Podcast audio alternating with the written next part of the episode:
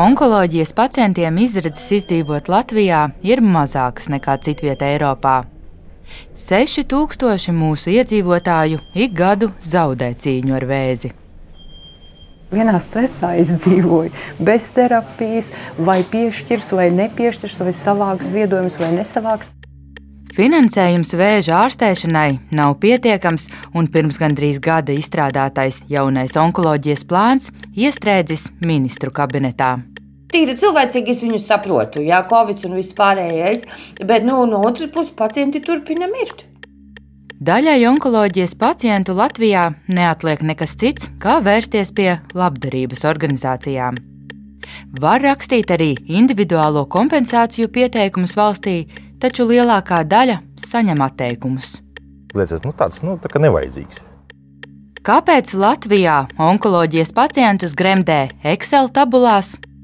Kur meklēt glābiņu nevienlīdzībai zāļu piekļuvē, un vai pacienti var gaidīt kādus uzlabojumus? To nākamajā pusstundā stāstīšu es, Baiva Runce. Pirmā daļa - nepareizā diagnoze. Labdien! Baiva! Liepainieci Venitu Elleri satieku pie Liepājas svētās trīsvienības katedrāles.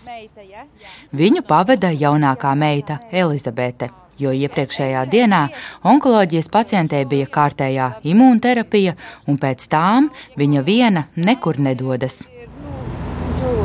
Tādu vietu, kā kafejnīca vai, vai pie dzintara, tur tādas, tādas, kur arī var piesēst. Nu, tas ir mazliet uz to pusīti. Nu, pieejam, labi. 25 gadus Venita strādāja par bērnu garīgās veselības aprūpes māsu, līdz viņai atklāja ļaundabīgu limfmezglu slimību Hodžkina limfomu. No tās dienas pagājuši četri gadi, kuru laikā pārdzīvots daudz. Stāsta Venita. Manā ārstēšanās procesā ir bijušas dažādas terapijas. Sākot ar ķīmijas terapiju, diviem veidiem, tad ir um, staru terapija. Tad es atgriezos darbā, jā, piecus mēnešus strādāju, un atkal bija pēc pārbauda ar cerību. Un tās cerības visas sabruka, jo atkal maziņš veidojums citā vietā. PET-CT ir vēža diagnostikas metode. Ar šādu izmeklējumu palīdzību var konstatēt arī ārstēšanās efektivitāti. Vizuāli pēc skeneris atgādina magnētiskās rezonances vai datortomogrāfijas iekārtas. Venitai veikta arī cilmes šūnu transplantācija. Un pēc diviem mēnešiem sataustu pati kaklu līmfmēslu atkal palielinātu. Ārstu koncīlijas nozīmēja ārstēšanu ar medikamentu, par kuru sākumā bijis jāmaksā pašai, bet vēlāk tas iekļauts valsts kompensējumu zāļu sarakstā pacientiem ar viņas diagnozi un pēc šūnu transplantācijas. Venita saņēma 13 terapijas, taču blakņu dēļ viņa iedzīvojās citā saslimšanā, polineiropātijā. Ka manā gadījumā man nekādas terapijas vairāk nav ja terapija turpinās, tad es palikšu ratiņkrēslā par invalīdu. Un vispār, nu, ja terapiju mēs neturpinām, konkrēti es jau bērniem tajā brīdī to neteicu, bet kad konkrēti man ir trīs mēneši atlikuši, ko dzīvot.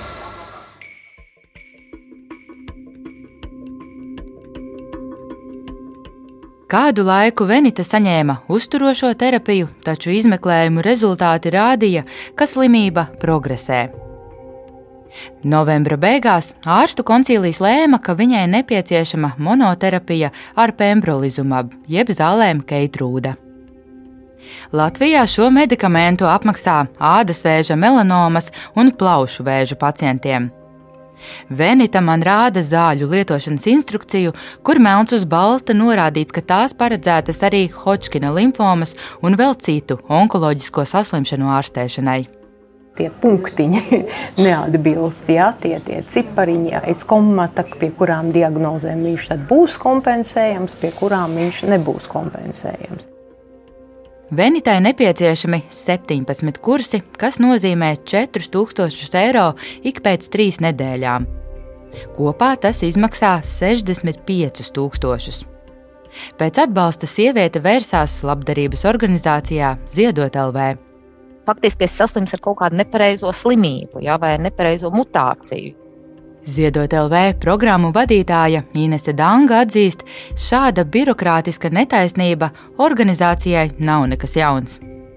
Viņa regulāri pieredz situācijas, kad viena Excel tabula maina visu pacienta dzīvi. Katram, kam tas ir tas viņa gadījums, nu, viņam tas ir ārkārtīgi sāpīgi.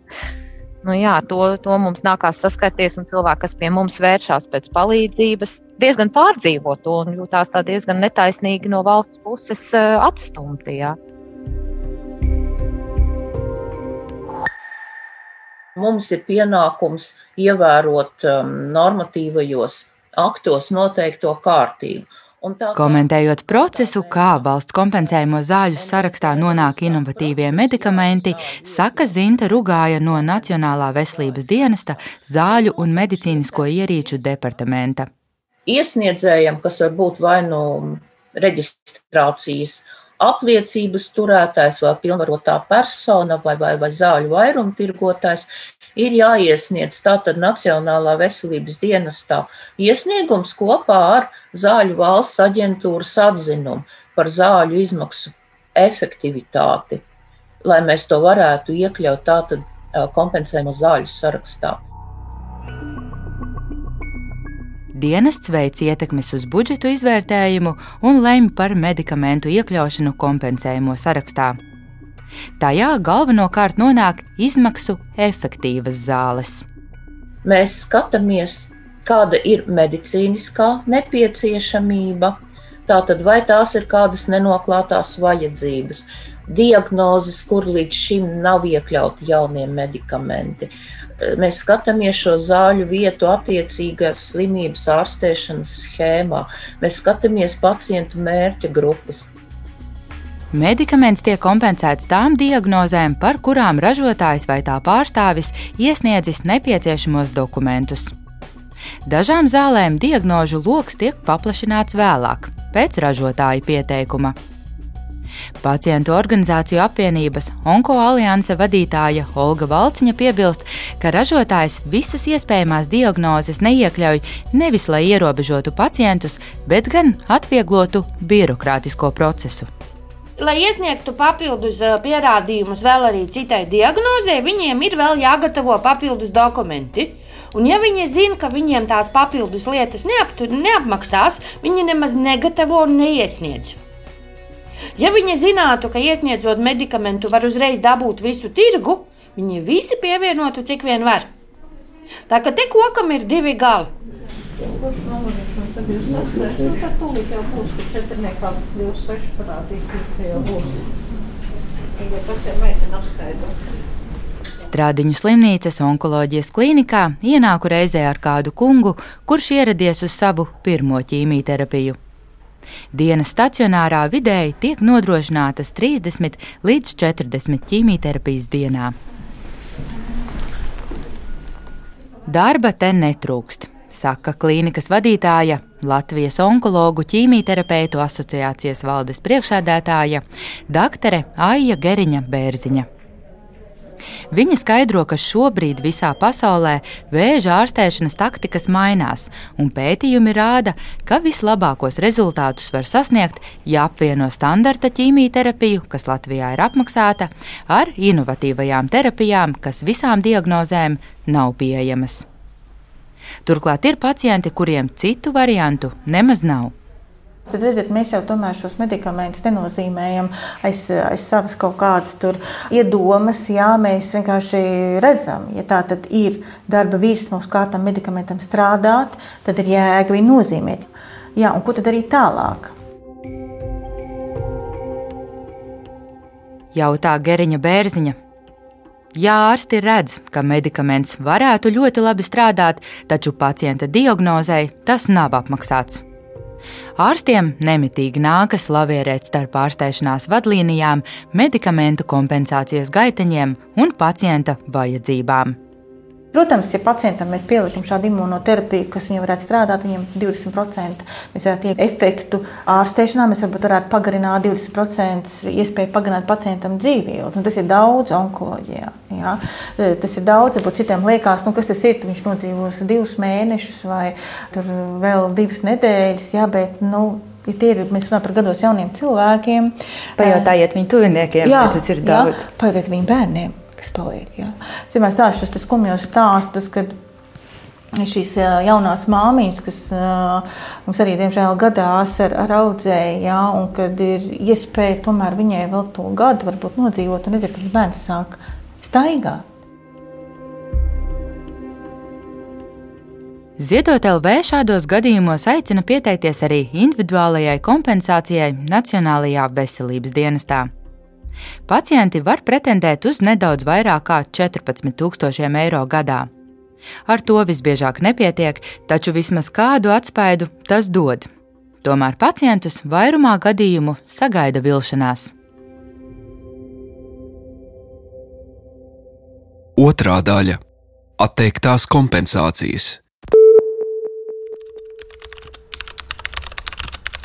Šīs pembrolizuma indikācijas ir apstiprinātas Eiropas zāļu aģentūrā, kā arī iekļautas gan Eiropas, gan Amerikas Savienoto Valstu Hodžkina limfomas ārstēšanas vadlīnijās. Lai pieteiktos kompensācijai Nacionālajā veselības dienestā, jāiesniedz arī ārstu koncīlija lēmums, ko liepainiece Venita Elere izdara. Tajā pamatots, kāpēc nozīmēta konkrētā terapija, un ārsti būtībā ir norādījuši, ka bez tās paciente neizdzīvos. Pembrolizumaps šobrīd ir vienīgais iespējamais efektīvais ārstēšanas veids. Bez konkrētā medikamenta lietošanas nebūs iespējams uzturēt pacienta dzīvības funkcijas, jo Hodžkina slimība progresēs. Tomēr NVD kompensāciju atsaka, jo viņas diagnozēji jau ir pieejamas valsts apmaksātas zāles. Bet manā gadījumā šis medikaments jau ir lietots, un es no viņas iedzīvojusies vēl papildus diagnozē, ja, un, un, kur nāks vēl papildus ārstēt. Ja. Un netiek norādīts, kādi ir šie medikamenti. Un tiek uzdots jautājums, kādi ir šie medikamenti, ko es vēl neesmu saņēmusi. Venita lēmumu apstrīd. Nākamo vēstuli jau sagatavojusi Veselības ministrija. Tajā paciente iepazīstināta ar savām likumiskajām tiesībām, tostarp iespēju vērsties tiesā. Vienā stresā es dzīvoju, bez terapijas, vai piešķirs, vai nepiešķirs, vai savāks ziedojumus, vai nesavāks. Vēl tiesu, caur tiesu iet, vai tiešām. Latvijas onkologu ķīmijterapeitu asociācijas valdes priekšādātāja Aija Gariņa Bērziņa norāda, ka šis process prasa resursu arī no ārstiem. Katrs koncīlijs aizņem vismaz pusstundu darba, turklāt atzinums visticamāk noguls plauktā. Bet viņiem jau vienkārši seko tā, viņi pat neiedziļinās. Tā tad ir zāles, ir. Un šī tā zāles, ko jūs prasat, ir nu, izmaksu neefektīgas, vai uh, Vai, nu, tur ir tāds savs ekonomisks eh, teikums, kas man liekas, visu laiku man domā par šo teikumu, vai tiešām eh, nu, cik viņš ir ētisks pret pacientu. Es teiktu, tā, ka visi tie koncepti, ko mēs esam rakstījuši, ir individuāli pieprasījumi eh, vai lūgumi. Pēdējos trijos gados man liekas, pat neviens īsti nav apmaksāts. Varbūt kāds tur retā izņēmumā. Nacionālā veselības dienesta dati rāda, ka vairāk nekā puse onkoloģisko pacientu saņem atteikumus par individuālās kompensācijas piešķiršanu medikamentiem.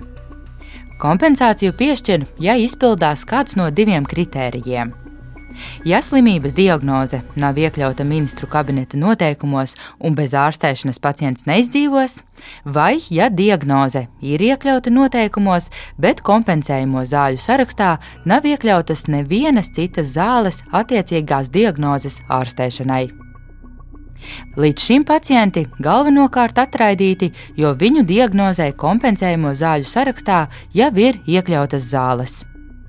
Un par spīti tam, ko raksta koncīlijas, tam nav principā pat īsti nozīmes. Nu, Jā, jo mums ir jāņem vērā esošais ministru kabineta regulējums, un mums tas kā Nacionālajiem veselības dienestam ir jāņem vērā. Mēs nedrīkstam rīkoties ārpus normatīvajiem aktiem. Jā. Komentē zāļu analīzes un plānošanas nodeļas vadītāja Inese Čudare. Noteikumus pārskatīt nav plānots, jo tiklīdz paplašinātu kritērijus, būtu nepieciešami papildu līdzekļi. Individuālajām kompensācijām atvēlēti 2% no kopējā kompensējamo zāļu budžeta.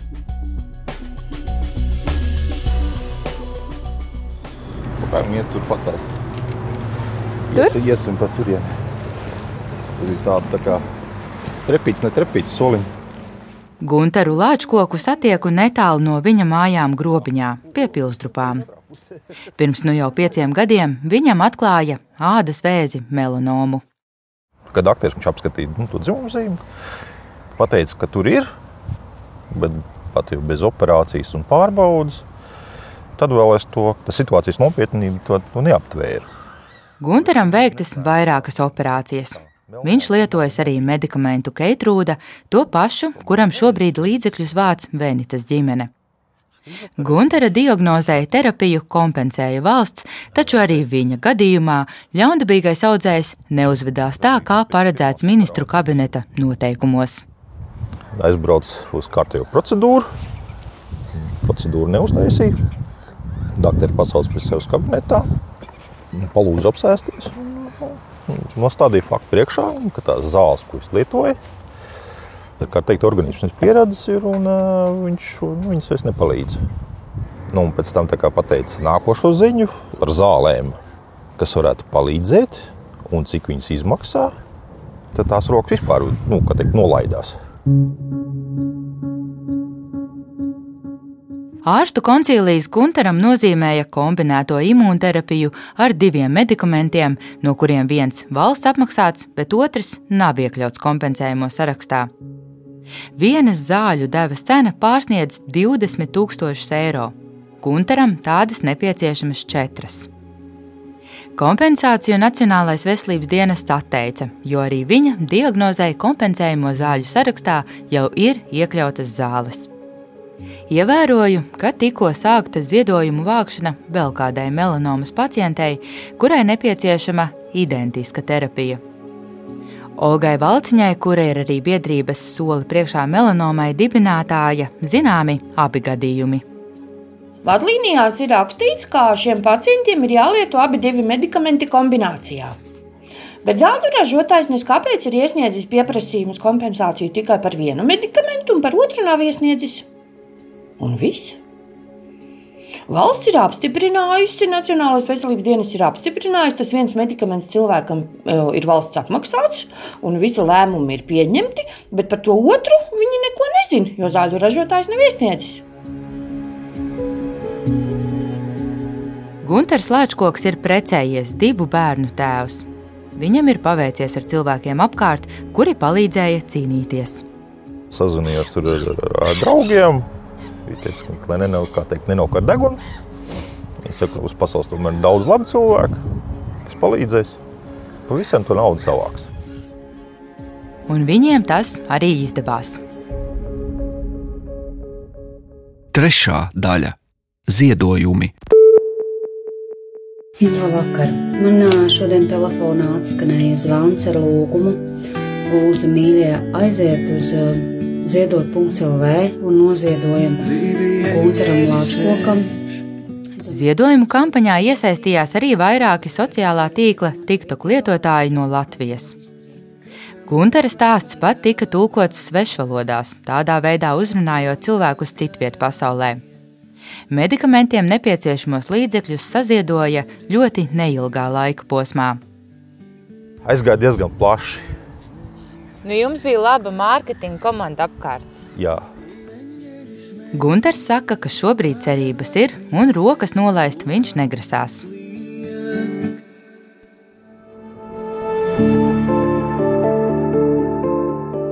Bērni pie labdarības organizācijas Ziedot LV vērsās 85 onkoloģijas pacienti, kuriem tika sniegta palīdzība nepilna miljona eiro apmērā.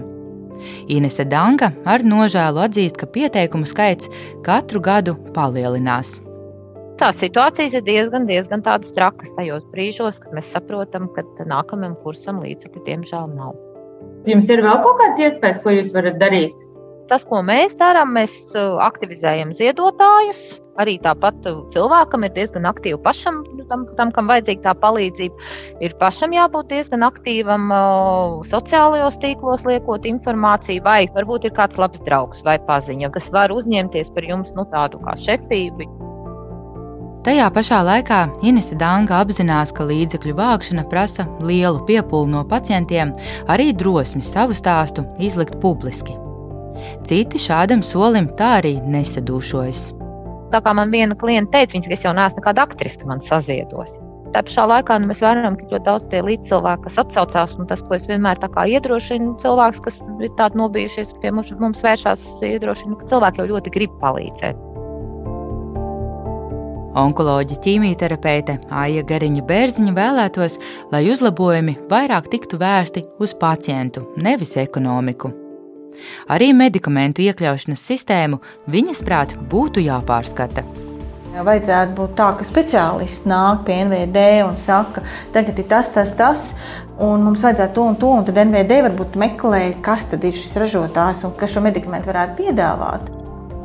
Nacionālajā veselības dienestā norāda, ka kārtību šobrīd neplāno mainīt.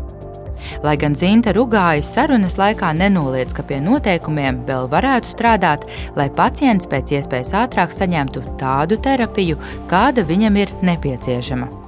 Un var jau būt, ka atsevišķos um, punktos ir kaut kas jāmaina. Glābiņš nevienlīdzībai zāļu piekļuvē varētu būt centralizēti medikamentu iepirkumi, par ko šobrīd aktīvi iestājas Eiropas lielās pacientu organizācijas. Turpina Olga Valciņa no Onko alianses. Jā, jo mazās valstis bieži vien aizbildinās, jā, ka farmācijas firmām mūsu tirgus neinteresē. Jo mēs esam par mazu, un tā ir taisnība. Latvija ir ļoti, ļoti maza valsts. Arī to pacientu mums attiecīgi ir maz. Bet tas, uz ko šobrīd es domāju, ka pacientu organizācijas spiedīs visā Eiropā, un arī mēs par to jau agrāk esam jautājuši, kā būtu, ja kaut vai tikai Baltijas valstis pirktu kopā medikamentus. Pandēmija un vakcīnu iepirkumi pierādīja, ka tas ir iespējams. Ceturtā daļa - Kur Latvijas plāns? Un sākumā lūdzu vērts veselības ministram Danielam Pauļatam. Labdien visiem un tiešām liels paldies par jūsu interesi. Par... Pērn jūnijā Veselības ministrija prezentēja jauno onkoloģijas plānu 2022. un 2024. gadam. Plāns tapa vairākās domnīcās, kurās piedalījās arī pacientu organizācijas un profesionālās asociācijas. Ka onkoloģijas ārstniecības centrā ir jābūt nevis slimībai, nevis sistēmas vērtībām, bet jābūt tieši pacientam. Iesaistītie plānu slavēja, izceļot tikai vienu trūkumu. Lai to īstenotu, nepieciešams atbilstošs finansējums. Šobrīd, 2020 pirmajā gadā mēs aptuveni ieguldām 109 miljonus eiro onkoloģisko saslimšanu ārstēšanā pilnā ciklā. Plāna realizācijai trim gadiem bija nepieciešami papildu 380 miljoni. Taču jau šim gadam piešķīra mazāk nekā trešdaļu no prasītā. Bet visi aizmirst un liela šo plānu kā grandiozu izrāvienu. Nē, šis plāns ir normāls plāns, lai mēs neatpaliktu vēl vairāk. Šis nebija izrāviena plāns. Saka pacientu organizāciju apvienības Onko alianse vadītāja Olga Valciņa. Un, ja ir iedota viena trešā daļa naudas no vajadzīgā minimumam, tad mums ir jāsaprot skaidri, kas būs nākamgad. Un te skaidrības nav. Viņas prāt jāsāk runāt par to, kā tiks kompensēts šī gada iztrūkums, jo pacientu katru gadu paliek vairāk, un onkoloģijas plānu nevar uztvert kā vienreizēju ieguldījumu. Tas nozīmē, ka nākamgad mēs vēl būsim vēl dziļākā biedrē nekā šogad. Un tas ir tas, par ko neviens nerunā. Veselības ministrs Daniels Pauļuts norāda, ka diskusijas valdībā par turpmāko gadu finansējumu jau ir sākušās, un sola, ka onkoloģija arī turpmāk būs viena no ministrijas prioritātēm. pieminētie 30 miljoni mums iet bāzē. Tas, kas neieiet bāzi, tas nozīmē, ka tas būs arī turpmāko gadu budžetos. Ja, tā kā šiem 140 kopumā jāsaka miljoniem eiro mēs varam rēķināties, par pieaugumiem mums būs jācīnās.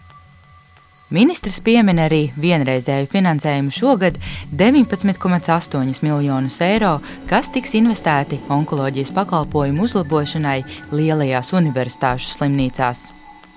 Pats onkoloģijas plāns gan vēl joprojām, neskatoties uz to, ka ir jau aprīlis, gaida rindā uz apstiprināšanu ministru kabinetā. Taču tas neliedz prioritāros pasākumus jau īstenot. Lielākā daļa, 20 miljoni, no finansējuma novirzīta medikamentu iegādēji. Pārmaiņas jau ir jūtamas, apstiprina onkoloģe Aija Gariņa Bērziņa. Lai gan piešķirtā summa joprojām nav pietiekama un daļa no medikamentiem Eiropā un Amerikā vairs neskaitās inovatīvi, bet gan standarta terapija, tik liels finansējuma pieaugums zālēm Latvijā nav bijis. Tas uzreiz mums, protams, paver iespēju šos pacientus ārstēt, un mēs samazinām šo slogu ziedot LV kompānijai. Ja, kā, nu, tas ir ļoti liels solis Latvijai. Tas, ka mēs no Eiropas atpaliekam entos gadus, tas ir cits jautājums.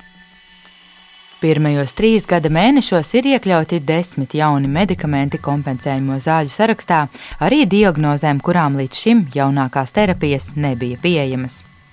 Turklāt vēl septiņiem inovatīvajiem medikamentiem ir paplašināti izrakstīšanas nosacījumi, kas nozīmē, ka tos var saņemt arī citas pacientu grupas. Par pārējo naudu tiks nodrošināta terapijas turpināšana jau esošajiem pacientiem. Tomēr pat ar šī gada budžeta pieaugumu medikamentiem mēs joprojām iepaliekam no Eiropas Savienības valstīm, arī tuvākajiem kaimiņiem. Tāpat par piešķirto finansējumu jau tiek realizēti pasākumi ārstniecības kvalitātes un pieejamības uzlabošanai, skrīninga aptveres palielināšanai un gada pirmajos divos mēnešos veiktas 33 krūts rekonstrukcijas operācijas. Onkoplāns sastāvēja no vārdu dokumenta, kas bija, nu, kā mēs to saucam, ūdenskapels, un no Excel tabulas, kas patiesībā ir tā īstā esence, kur var skaidri redzēt, kurā blokā ko tieši darīs un cik kurā gadā tam ir paredzēts vajadzīgs naudas. Tas, ko mēs gaidām šo Exceli, ka kāds pārveidos un pateiks, re, kur šī ir apstiprinātā daļa, un šogad mēs no visa Excel izdarīsim to un to un to. Un tas ir tas, ko mēs gaidām.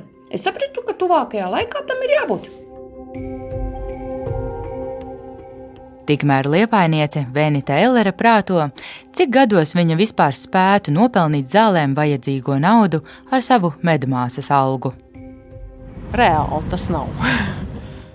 Šobrīd saziedota gandrīz trešā daļa no nepieciešamās summas. Man ir jāsaka liels paldies par patreiz jau saziedotajiem līdzekļiem un draugiem, gan paziņām, gan visiem bērnu darba kolēģiem un, un skolas vadībai, jaunākās meitas skolas vadībai, kas aktīvi iesaistījās šajā visā pasākumā. Tas ir milzīgs paldies!